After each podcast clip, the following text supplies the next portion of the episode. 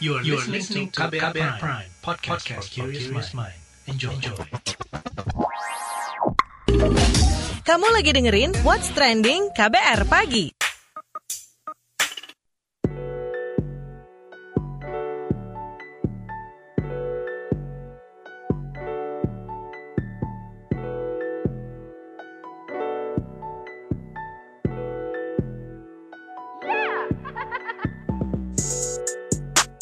KBR Pagi, siaran pagi radio paling update. Selamat pagi, apa kabar Anda hari ini di hari Kamis 16 Desember 2021? Kembali lagi saya Don Brady menjadi teman pagi kalian semuanya di What's Trending KBR Pagi pastinya. Imbauan tak berlibur ke luar negeri dan karantina yang diperpanjang, itu yang kita obrolin pagi ini. Jadi pemerintah mencatat terjadi lonjakan kedatangan WNI pada Desember ini yang mencapai hingga 4.000 orang per hari. Sedangkan Menteri Koordinator Bidang Maritim dan Investasi Luhut Binsar Panjaitan mengungkap data angkasa pura terkait kenaikan signifikan hingga dua kali penerbangan tujuan luar negeri pada kondisi normalnya.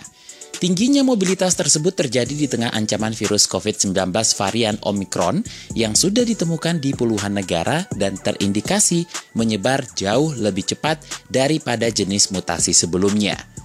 Pemerintah mengklaim terus memperketat pintu-pintu masuk kedatangan internasional dari jalur udara, laut, dan darat. Menteri Kesehatan Budi Gunadi Sadikin mengatakan pelaku perjalanan internasional paling banyak melalui jalur udara di Bandara Soekarno-Hatta. Kata dia, seluruh pelaku perjalanan internasional yang masuk dari berbagai jalur tersebut dilakukan tes PCR.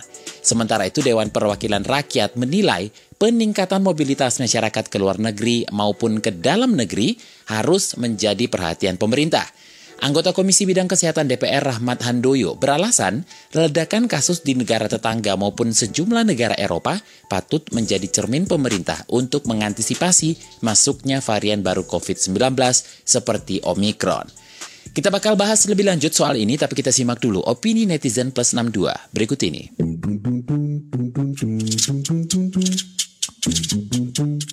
Pertama ke akun at Iqbal triple underscore. Siap menyambut libur Natal dan Tahun Baru. Ke akun at Kartini Hartanti. Liburan Nataru mari kita jalan-jalan. Start dari kamar ke dapur bikin sarapan. Lanjut kamar mandi nyuci. Lanjut kamar lagi tidur agar terhindar dari kerumunan.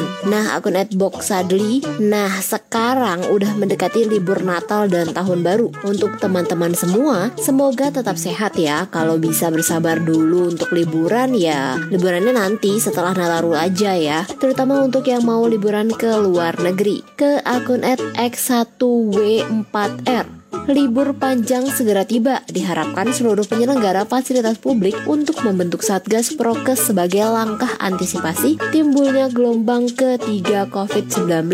Satgas Prokes bertugas mengawasi aktivitas dan kesehatan pengunjung atau masyarakat selama masa libur Nataru. Akunet My Ozime tetap disiplin prokes, ikuti vaksin dan bersama-sama bantu pemulihan Indonesia. Liburan selama Nataru sih boleh-boleh aja. Asal maskernya jangan melorot dan prokesnya jangan kendor. Intinya tetap waspada karena COVID masih ada di sekitar kita. Yang terakhir akun at Bung Joker underscore. Betul sekali, jangan sampai kecolongan lagi. Waspada to the max. Ekonomi mulai bergerak tapi jangan sampai stuck lagi. What's trending KBR pagi? Masih di What's Trending KBR Pagi, kita lanjutkan obrolan kita pagi ini. Jadi selain tes PCR, pemerintah juga menerapkan aturan berlapis, termasuk karantina. Ketua Bidang Penanganan Kesehatan di Satuan Tugas Penanganan COVID-19, Alexander Ginting, mengatakan aturan berlapis seperti testing, screening, serta karantina harus benar-benar dipatuhi dan tak boleh ditawar demi mencegah masuknya varian Omikron dari luar negeri. Ini dia penuturannya dalam program Ruang Publik KBR di hari Rabu 15 Desember yang lalu karena ini adalah masalah global health security, di mana penyebaran itu bisa cepat meluas oleh karena mobilitas yang tinggi, termasuk juga melalui pesawat terbang, maka pemerintah tentu harus menjaga programnya. Jadi menjaga daerah daerah-daerah perbatasan yang kemungkinan besar bisa dimasuki oleh orang-orang yang datang dari negara terjangkit ataupun negara-negara yang memang sudah ditemukan kasus sehingga terjadilah penularan yang secara tidak langsung ke Indonesia. Ini yang harus dicegah. Oleh karena itu pemerintah dengan melalui surat edaran Satgas COVID-19 telah melakukan uh, update dalam protokol kesehatan bagi perjalanan luar negeri. Salah satu update-nya itu adalah dengan menambah lamanya uh, karantina menjadi 10 hari. Mm-hmm. Kita pernah karantina tiga hari, kemudian pernah dua lima hari, pernah 8 hari, dan sekarang 10 hari. Tapi bagi warga negara Indonesia yang datang dari negara terjangkit, maka ini 14 hari. Dan warga negara asing dari negara terjangkit, ini visanya ditolak dulu. Dan ini harus dilaksanakan dan tidak boleh tawar-menawar.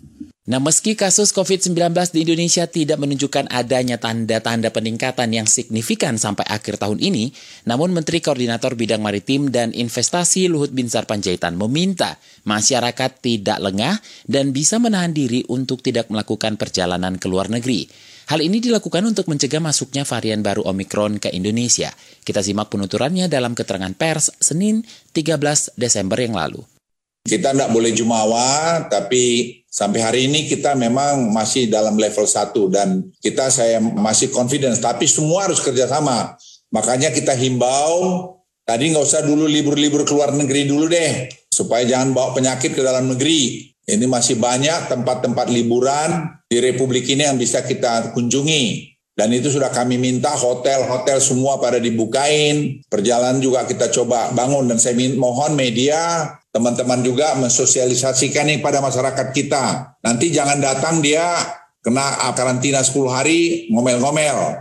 Enggak, dia harus 10 hari karantina. Itu kita pastikan orang yang dapat libur keluar, kita pastikan dia akan dapat 10 hari. Kita tidak mau negeri kita ini dicederai, dicemari oleh COVID yang lain gara-gara kita sendiri tidak disiplin. Sekali lagi, dan kemarin ada upaya-upaya melarikan itu kita akan langsung ceburin aja masuk ke dalam karantina terpusat. Ya kalau tidak mau di hotel, ya kita bikin di karantina lain yang kita betul-betul pastikan bahwa itu aman. Jadi kita ada menghitung resiko dengan data yang ada. Jadi kita tidak mau mengorbankan apa yang sudah lelah, capek, pengorbanan besar selama berapa bulan ini rusak hanya gara-gara kita tidak disiplin. Jadi semua harus disiplin, bisa menahan diri dulu. Terus untuk normal tentu masih butuh waktu, kita masih lihat lagi. Dan dalam kesempatan yang sama, Menteri Kesehatan Budi Gunadi Sadikin menjelaskan terkait pemeriksaan di pintu masuk perjalanan internasional. Berikut kita simak bersama.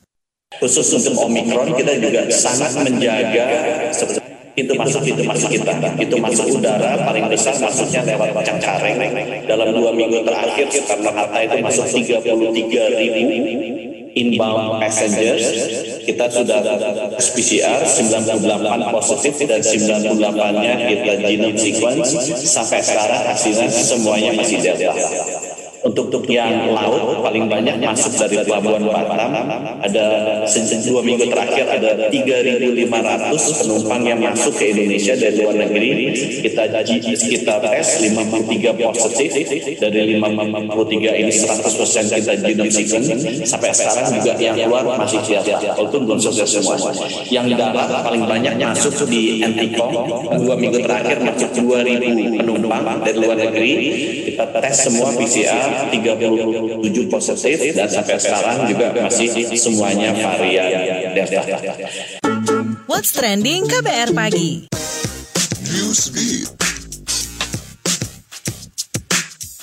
Inggris mengalami ledakan COVID-19, di mana kenaikan angka kasus yang diungkap Departemen Kesehatan mencapai 40 persen. Hal ini diduga karena penyebaran varian Omikron. Ledakan dan penyebaran Omikron membuat Sekretaris Kesehatan Inggris Sayed Zavid mengeluarkan imbauan untuk segera melakukan vaksinasi booster. Pasalnya, dua dosis vaksinasi dianggap belum cukup memberikan perlindungan warga Inggris dari penyebaran varian baru ini. Meskipun belum ada kasus kematian dan belum tingginya angka perawatan di rumah sakit, Javid mengungkapkan adanya kekhawatiran rumah sakit bakal kewalahan. Para pecinta hewan di Iran memprotes larangan memelihara hewan. Larangan pemeliharaan buaya, kura-kura, ular, kadal, kucing, tikus, kelinci, anjing, monyet, dan hewan lainnya yang dimasukkan dalam kategori kotor tercantum dalam rancangan Undang-Undang Perlindungan Hak Publik terhadap Hewan.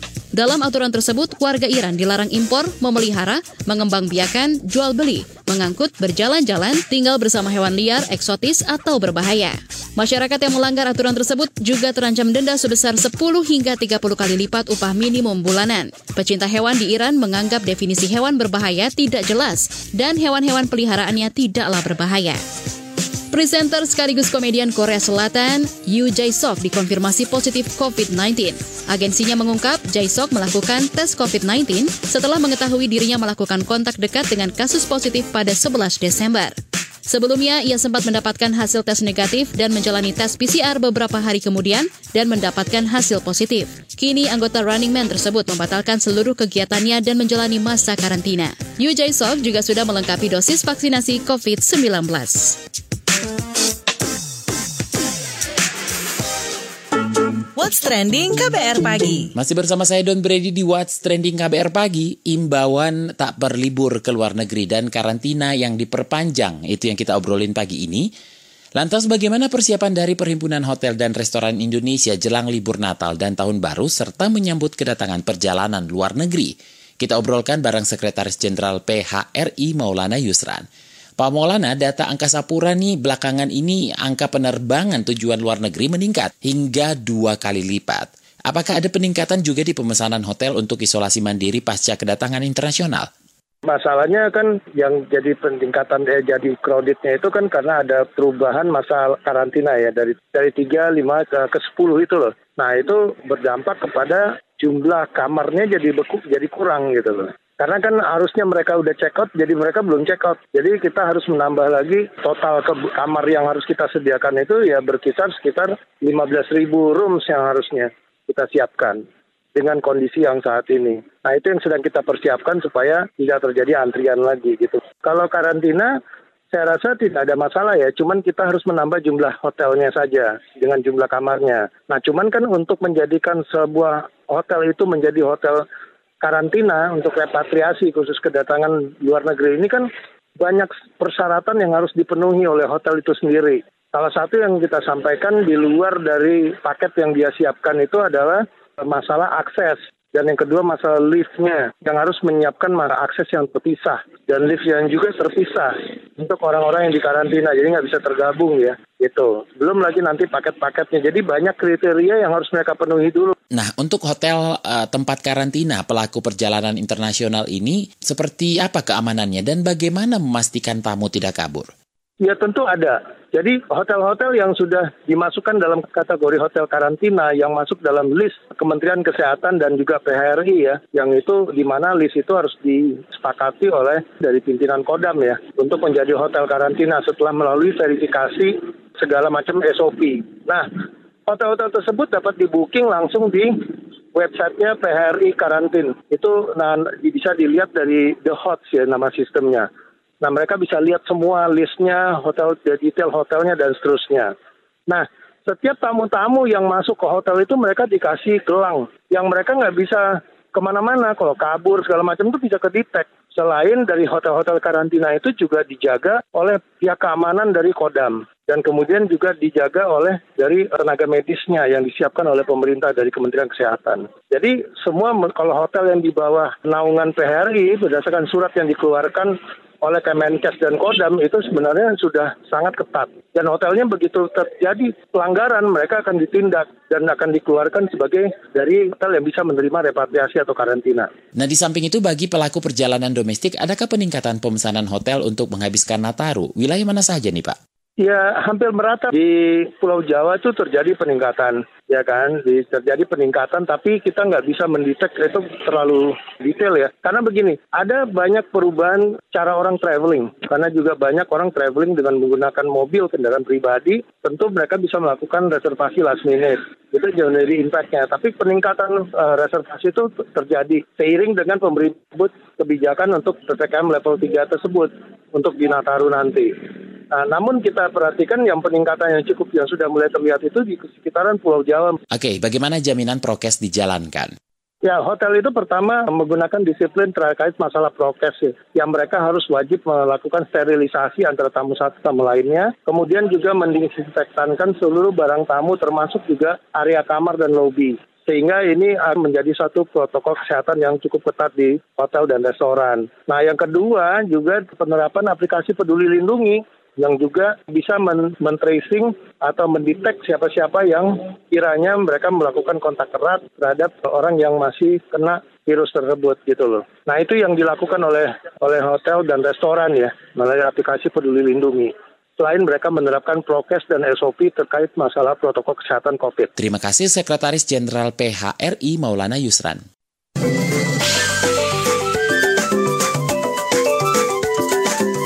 WhatsApp Indonesia.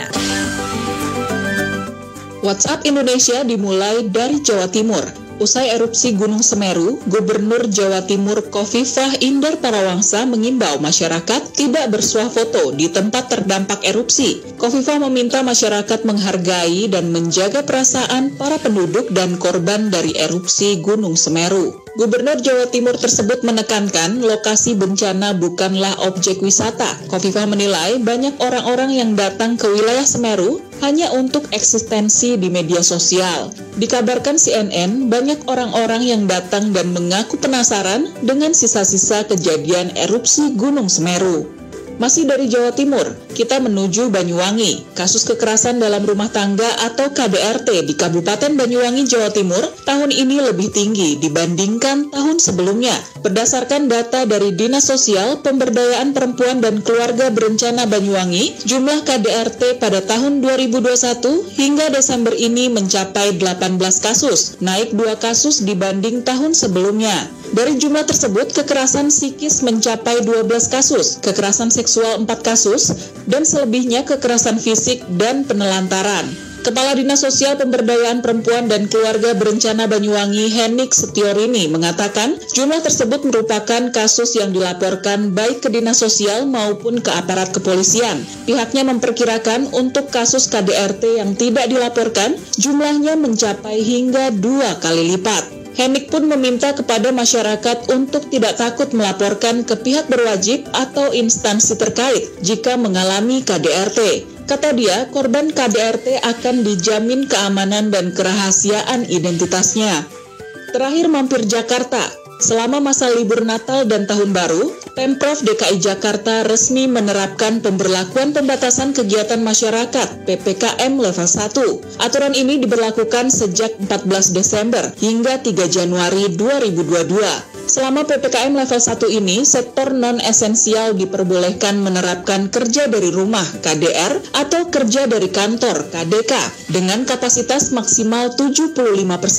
Meskipun begitu, karyawan yang bekerja harus dipastikan telah divaksinasi dan menjalankan protokol kesehatan. Selain itu, tempat peribadatan juga diperbolehkan melaksanakan ibadah dengan kapasitas maksimal 75% dan beroperasi hingga pukul 10 malam. Rumah makan, restoran, dan kafe juga diperbolehkan beroperasi hingga pukul 00. Kegiatan seni, budaya, kebugaran, dan acara-acara lainnya pun boleh diselenggarakan dengan pembatasan kapasitas. Demikian WhatsApp Indonesia hari ini. Demikian KBR pagi hari ini. Jika Anda tertinggal siaran ini, Anda kembali bisa menyimaknya di podcast What's Trending yang ada di Spotify, kbrprime.id, dan di aplikasi mendengarkan podcast lainnya. Don't Brady, untuk diri, besok kita ketemu lagi. Stay safe, bye-bye. Terima kasih sudah mendengarkan KBR Pagi, siaran pagi radio paling update. KBR Prime, cara asik mendengar berita. KBR Prime, podcast for curious mind.